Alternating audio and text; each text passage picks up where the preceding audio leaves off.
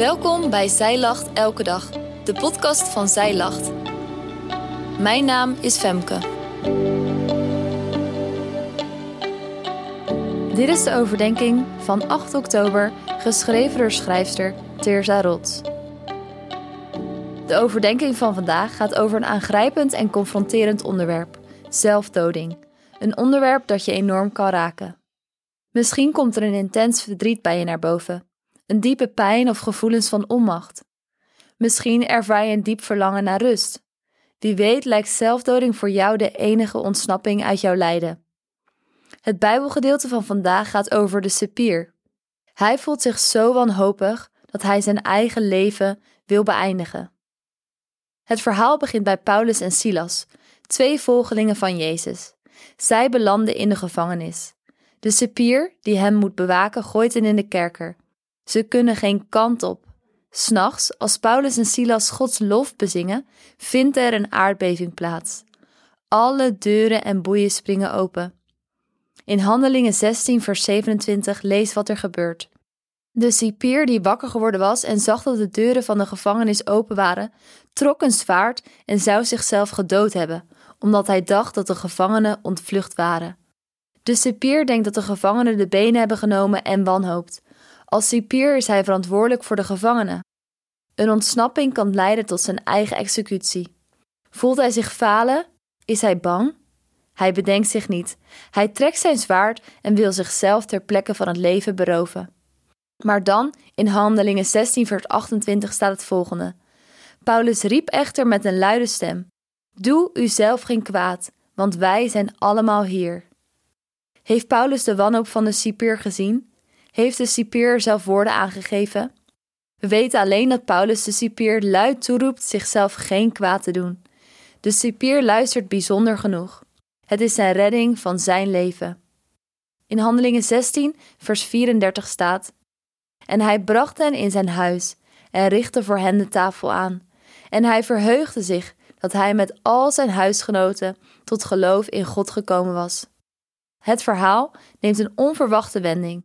De cipier komt met zijn huisgenoten tot geloof in God.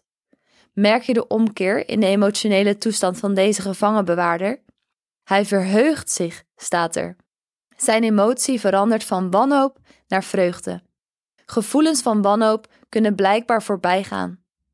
Is het altijd eindgoed al goed? Nee, helaas niet. Wat als jij of iemand uit je omgeving al veel langer worstelt met diepe gevoelens van eenzaamheid of angst? Wat als je wanhoopt en dit niet overgaat? Misschien ken jij iemand die op dit moment intens worstelt met het leven of die een poging tot zelfdoding heeft gedaan. Iedere situatie is anders. Ieder verhaal doet ertoe. Elk verdriet wordt persoonlijk doorvoeld en doorleefd. Misschien ben je een geliefde verloren door zelfdoding, een hartverscheurende situatie met een enorme impact. Er kunnen zoveel onbeantwoorde vragen zijn. Maar God ziet jou vandaag. Hij ziet je in je pijn. Hij ziet je in jouw gebrokenheid. Misschien worstel jij zo verschrikkelijk met het leven dat je alleen nog maar wilt dat aan alle pijn en verdriet een einde komt. Als jij je, net als die cipier, zo wanhopig voelt dat je zelfdoding serieus overweegt, dan spreekt God vandaag tot jou. Doe jezelf geen kwaad. God wil jou het leven geven, staat in Johannes 10, vers 10. Hij wil niet dat je vroegtijdig een einde aan jouw leven maakt. Er is een andere uitweg: schuilen bij Jezus Christus. Hij, die vanuit het volmaakte afdaalde in onze gebrokenheid. Hij kan meevoelen met jouw lijden. Echt meevoelen. En in Jesaja 53, vers 5 staat: Hij is om onze overtredingen verwond, om onze ongerechtigheden verbrijzeld. De straf die ons de vrede aanbrengt, was op hem. Door zijn striemen is er voor ons genezing gekomen. Het geloof in God is geen toverformule. Voor sommigen is het leven zwaar, ook met God. Zoals Paulus en Silas gegezeld werden naar een gevangenneming, zo werd Jezus Christus ook gegezeld. Maar de striemen die hij op zijn rug kreeg, brengen ons genezing. Dat is zijn belofte. God ziet jouw worsteling en hij verlangt ernaar jouw hoop en herstel te schenken. Ik bid dat God je het pad naar het leven wijst, zodat je uiteindelijk een overvloed van blijdschap mag vinden bij Hem.